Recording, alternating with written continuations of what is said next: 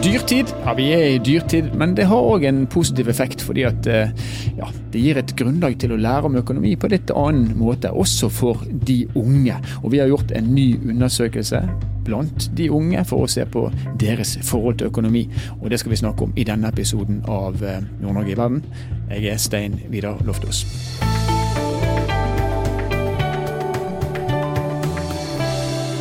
For andre året på rad så har Kunnskapsbanken for Nord-Norge undersøkt hva ungdom i Nord-Norge bruker penger på. Hvor de får pengene fra, og hva de vet om egen og om sin families økonomi.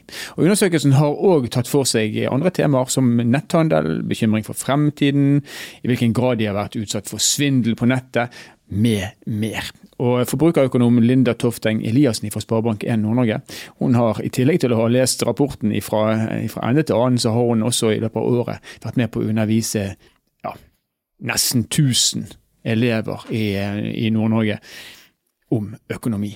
Og nå er hun her eh, hos oss i Nord-Norge Verden. Velkommen, Linda. Takk skal du ha. Du Kan ikke vi først si noe om det generelle kunnskapsnivået til eh, nordnorsk ungdom når det gjelder økonomi? Ja, og, og, jeg tror det er vanskelig, for vi har på en måte ikke en graf hvor vi har målt det. Men da blir det jo litt ifra erfaring. Det jeg kan si, er jo det at eh, vi ser at når de fyller 18 og 19 og 20 år, går det ikke så bra. Så da tror jeg vi kan snu oss og så kan vi si at det er ikke så bra som det burde være. Mm. Når du skal styre den sjøl. Og så er jo det litt som er den rapporten fra ett år til et annet, at vi ser at den faktisk er blitt litt bedre. Og så er det en ting som jeg tenker er, er, er viktig, det er det at de sjøl vil ha mye mer kunnskap.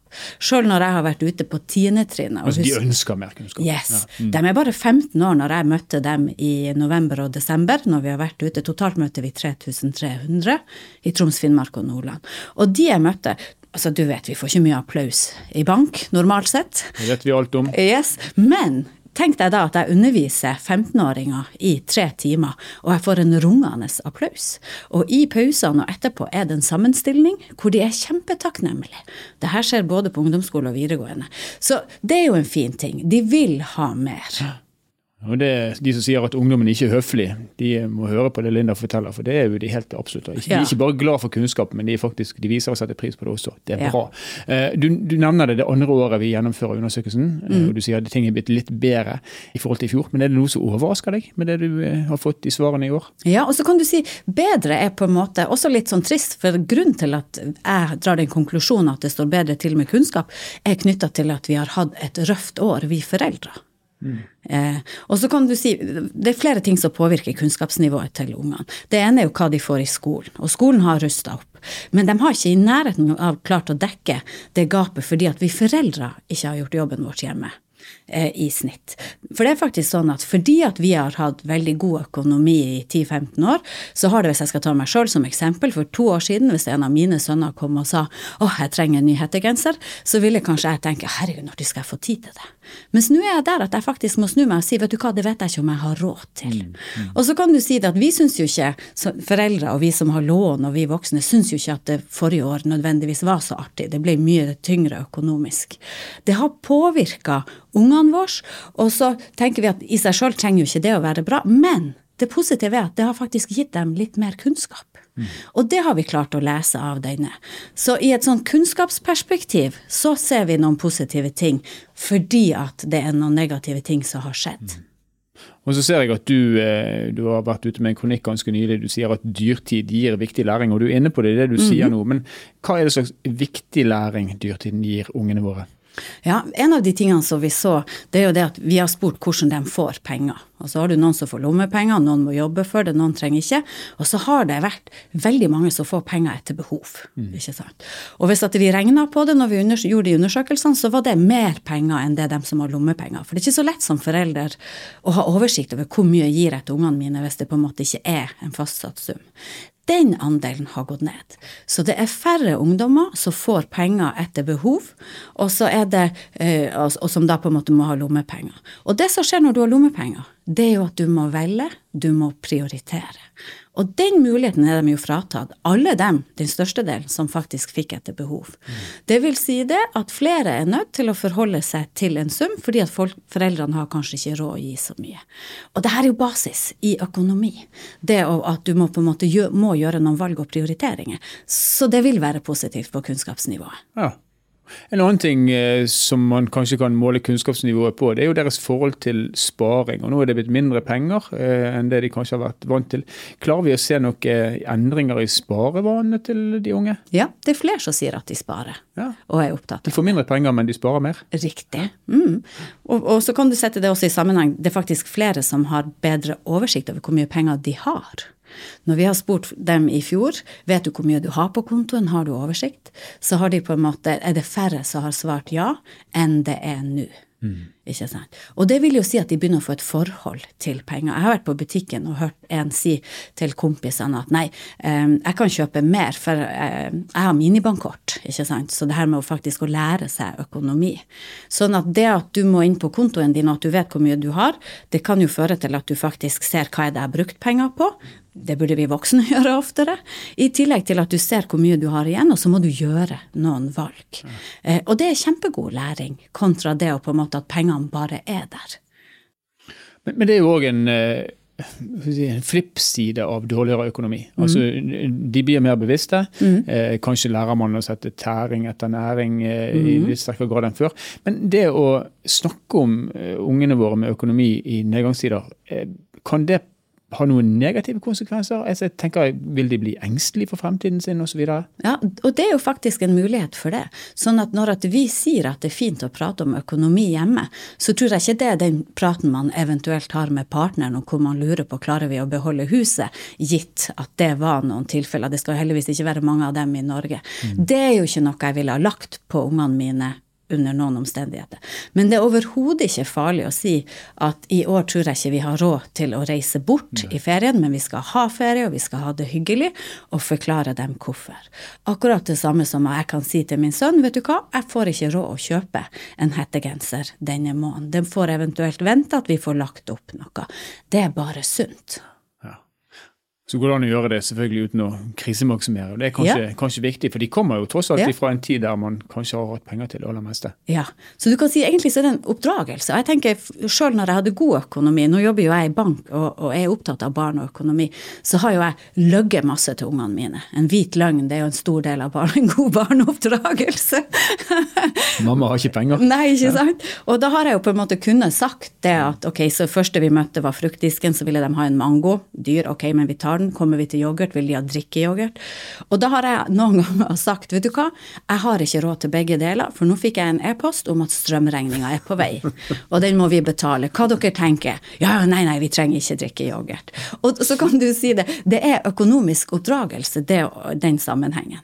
Endelig kan Linda snakke helt sant. Det, det har en oppdagende effekt, det også, kan man kanskje si. Du, en annen ting som jeg ser fra undersøkelsen, som for meg var veldig overraskende, det er at det er færre som nå sier at de bruker mest penger på nettet. Og, og butikkhandelen den går da opp, mens netthandelen går ned. Hva er, så, hva er årsaken til det? Kan det være, og jeg vet ikke, så det her blir en spekulasjon. Men hvis mine unger skal kjøpe noe, jeg har tenåringer, skal kjøpe noe på nett, så må det gjøres via meg. Eh, og jeg har ikke så mye penger å handle for lenger som jeg hadde, sånn at jeg vil nå måtte stoppe noe av de de normalt ville ha spurt meg om. Og så er det sånn at når de kommer og sier at de har lyst til å kjøpe noe, om jeg kan gjøre det for dem, og så gir dem meg pengene, så tar jeg den økonomiske praten med dem. Ikke sant? Så det gjør nok at de tenderer til butikk mer. Og så vet vi jo, altså norske ungdommer, hva de bruker mest penger på, er jo faktisk eh, mat i butikker som er i nærheten kantina på skolen eller nærmeste butikkene, eller hvis det er et sentrum, så vil det kunne være en kiosk på kvelden. Og mat, det handler de ennå ikke på nettet. Det, Nei, det er riktig. Det kommer senere i livet. Eh, en annen ting som man ja, man trenger å ha et forhold til, det er jo dette med svindel. eh, Ja. Og svindel på nett. For Dette er jo den digitale generasjonen som er mye på nettet osv. Eh, og der vi har vært frykta, eh, egentlig mest frykta for den eldre generasjonen eh, og deres forhold til, eh, til nettvett, og sånn der sagt, så, så ser vi nå at eh, elevene ja, De sier at det er en økning i svindelforsøk, og samtidig så ser vi at 69% av de sier at de har nok kunnskap til å avsløre svindelforsøk. Er det slik at digital svindel ikke er et problem blant de unge? Nei, jeg tenker at det er det. Ja. Når jeg har gjort stikkprøver, fordi at nå skrev jeg det inn i manus til dem ute i tiendetrinnet, og når jeg hører med dem, og når jeg tar mine eksempel, så er det nye ting for dem. De, de har ikke tenkt på det, at det settes opp 7000 falske nettbutikker hver dag, ikke sant. sant. Husk, de sitter jo og ser på nett, og en del av de tingene. Sånn, og jeg spurte lærerne, er det her en del av undervisninga, for lærerne møter jeg jo også. Nei, de har ingenting om svindel. Så jeg tror det er litt som for oss voksne, at egentlig så bør man vie noen timer til det. Til å både oppdatere seg siden det endres hele tida. Og så var det litt sånn her, jeg prata med noen som sa det, så sier jeg ja, har du tapt noe penger? Å ja, ja, ja. Men det de blir svindla for, er på en måte porto på 100 kroner og sånn her. Du har en Instagram-konto, den klassiske. Så er det noen som sier å, du har en flott profil, eh, vi kan vi få sende deg noen solbriller, så bruker du dem. Du skal få brillene, men bare send oss porto. Og da sier jo de her at jeg vet at det er 50-50 på at jeg taper og vinner, men 100 kroner er ikke så farlig. Så hvis dette er en av gangene hvor jeg får solbriller, så er, verdt, er det verdt å gjøre det. Og det er jo det som gir marked til dem som holder på med dette, dessverre. Ja, riktig. Småskala svindel, men eh, i store volumer så blir det penger av det. Ja. Men det er jo kjekt i hvert fall å, å forstå at de vet hva som foregår. Ja. Det er lettere da å beskytte seg mot det også. Du, En en annen ting som eh, vi ser er i endring, det er dette med yrkesvalg. Og Det har jo vært slik at man har på en måte eh, hatt fokus på at man kan bli hva man vil, og alt har vært relativt godt betalt. Og så vet vi at når det er nedgangstider økonomisk sett, så begynner man kanskje sikte seg inn eh, i sterkere grad mot de yrkene som man vet kommer til å gi eh, bra lønn. Og Når vi spør ungdommen, så sier halvparten av de at de har en plan, resten er usikker. Hva, hva viser denne undersøkelsen om de kriteriene som de unge legger til grunn for sine valg når det gjelder eh, fremtidig yrke? Mm. Mange av dem som vi har prata med, er jo unge. Noen av dem er jo faktisk enda i pubertetsbobla si. Da vet du jo ikke engang hvem du er. Så det er jo store spørsmål. Hvem skal du bli når du blir stor? Ja, ja, det er store spørsmål å stille. Og så tenker jeg at det går jo kanskje litt tilbake også til eh, Skolene har jo timer og undervisning som skal tilrettelegge for at du skal få god nok kunnskap. Jeg som mor har i dag har vært på foreldremøter som skal på en måte lære oss hva må de tenke på når de skal videre. Eh, og så er det vel kanskje Litt avhengig av om du går på ungdomsskole eller videregående, og vi spør jo begge. Så hvis du tenker på at vi har spurt 15-åringer om de vet hva de vil bli, så er det et langt lerret å bleike. Det vil være de færreste som vet det. De skal jo enda bli kjent med seg sjøl. Og det her vet jeg jo at skoleverket er veldig opptatt av, fordi at vi har ganske mange som bytter. Som begynner på videregående, yrkesfag eller studiespes, og etter ett år kjenner at det er feil. Ikke sant? Og de jobber jo med på en måte at du må velge noe du liker. Og det her sier jeg jo til min sønn, for han blir jo kjempestressa. Hvis jeg spør han hva har du lyst til å bli når du blir stor, så ligger han jo nesten i fosterstilling. Hvis jeg sier hva har du lyst til å gjøre de neste tre årene, vil du gå på skole akkurat sånn som du har gjort, eller vil du fylle noen av timene med noe du syns er morsommere? Og da tok jeg jo ned lista. Så sa jeg så kan du finne ut hva du vil bli når du blir litt større. Jeg sjøl fant jo ikke ut av det, for jeg var over 20. Du var jo nesten 50 før du ble forbrukerøkonom, så den, eh, Ganske treg. den, den kjenner vi igjen. Men, men, men dette her er litt, eh, det er flere ting som er litt overraskende. Altså vi, vi, nå, nå ser vi at de kanskje ja, er blitt litt mer bevisst på økonomien sin. Og så har vi sagt at dette her er jo internettgenerasjonen, så de mestrer svindel på nettet, og så gjør de kanskje ikke det likevel. Og det neste punktet som overrasker meg, det er forholdet deres til bærekraft. For vi har også tenkt Ja. at det her er den oppvoksende grønne generasjonen som kommer til å ta bærekraft som en, eh, en selvfølgelighet, og noe de kommer til, til å kreve. Men når vi spør dem om fremtidige arbeidsgiver, så er det bare et par prosent som da løfter frem at deres fremtidige arbeidsgiver må ta bærekraft på alvor. Hvorfor er det sånn i 2024? Ja, det skulle jeg likt å vite.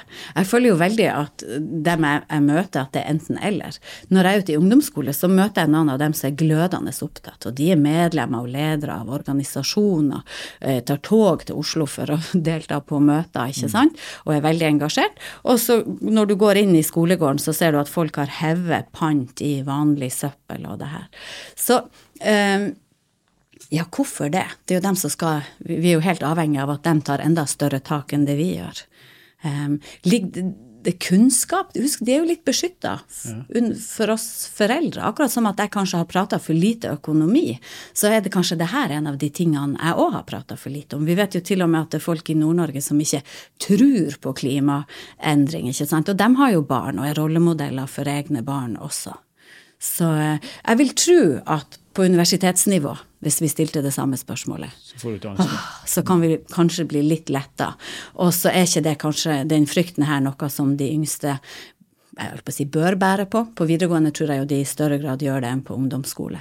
At det er noe man vokser inn i det ansvaret. Men dyrtiden, da? Det er ikke det fokuset som vi nå har på økonomi, for det har vi. Altså Ja. Enten vi er klar over det eller ikke, så har vi det.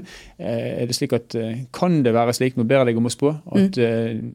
Eh, det er en større bekymring rundt økonomi enn rundt bærekraft i øyeblikket? Ja, det tror jeg. Jeg, jeg har gjort en ting som jeg syns var veldig interessant. Jeg har tatt mye kunnskap om klær. I Norge bruker vi eh, 50, vi kjøper 50% mer klær og sko enn snittet i Europa. Og i Norge har vi dobla kjøpet av samme produkter fra eh, 2010 til i dag, som er enormt mye. Og når jeg forteller de unge det, og viser de et bilde av her er avskoginga, så her mange dyrearter ligger trua. Tekstilindustrien er jo en versting i verden. Så jeg sa det at det at vi på en måte skal være på en konferanse og mene noe om hva som skal til for å berge jorda, og så kjøper vi den sjuende hettegenseren, det henger ikke på greip. Jeg prater jo om økonomi, og har du råd, er det det du vil bruke pengene dine på? Men det her er helt krise for miljø og bærekraft. Og det har en effekt. De som rakk opp handa og sa at de elska å shoppe, sitter og ser litt ned, og, og det går litt rundt. Så jeg tror at det er kunnskap der også. Så til uh, foreldrene som hører på denne episoden, her, snakk økonomi med ungene deres, men snakk bærekraft òg, og ikke glem sammenhengen mellom de to. Eh, Linda, helt til slutt. Uh, Når jeg spør deg om uh, ditt syn på ungdommen i Nord-Norge, vi man snakker om økonomi. Går det rett vei, eller går det feil vei? Nei, jeg tror det går rett vei. Og jeg tror eh, ved hjelp av det vi er, og hvis vi alle sammen tenker litt mer økonomi, vi er jo masse voksne også som på en måte Vi burde jo òg prate mer om økonomi, siden den endrer seg sånn gjennom et livsløp. Så hvis vi tar med ungene på den, så eh, er jeg ikke helt bekymra, nei. Positiv, det kan vi gå ut av denne episoden med å, å vite. Eh, og hele denne rapporten den ligger på kbnn.no. Les den, så får du med deg alle detaljene. Tusen takk for at du kunne være med oss, Linda Tofteng Eliassen, forbrukerøkonom i Sparebanken Nord-Norge. Takk. Ja, så er det slik da at eh, fokuset i samfunnet det påvirker eh, ungene og ungdommene våre. Og det er jo ingen som trenger å være overraska over det. Kanskje litt rart å erfare at eh, fokuset på bærekraft virker å være litt svakere enn det har vært. Men så kan det kanskje forklares med at fokuset på økonomi har vært sterkere enn det vi har vært vant til. Det er bra å se at ungdommen er økonomisk bevisst. De ønsker læring. Vi hører Linda snakke om applaus når hun har vært ute i skolen for å snakke om eh, egentlig et ganske traust tema, og det er bra. Eh, og så vet vi at realiteten treffer de når de blir studenter, og ja Ingenting er vel kanskje mulig å lære mer av enn når du kjenner at økonomien svir på egen kropp. Men det hjelper å være forberedt på det, det er helt klart. Så hører vi at eh, ungdommen er ikke immun mot digital svindel. De er både utsatt for det, og de går på, heldigvis med ganske lave tap, eh, kan man kanskje si. Så kommer vi til å gjennomføre denne undersøkelsen eh, på nytt igjen, kanskje allerede neste år. og Det skal bli interessant å se hva som kommer til å prege svarene når neste år opprinner. Det vet vi først da. Nord-Norge i verden er en podkastserie som er produsert av Sparebank1 Nord-Norge i samarbeid med Helt Digital. Musikken du har hørt er laget av Emil Karlsen. Jeg heter Stein Vidar Loftaas. Vi høres igjen i neste episode.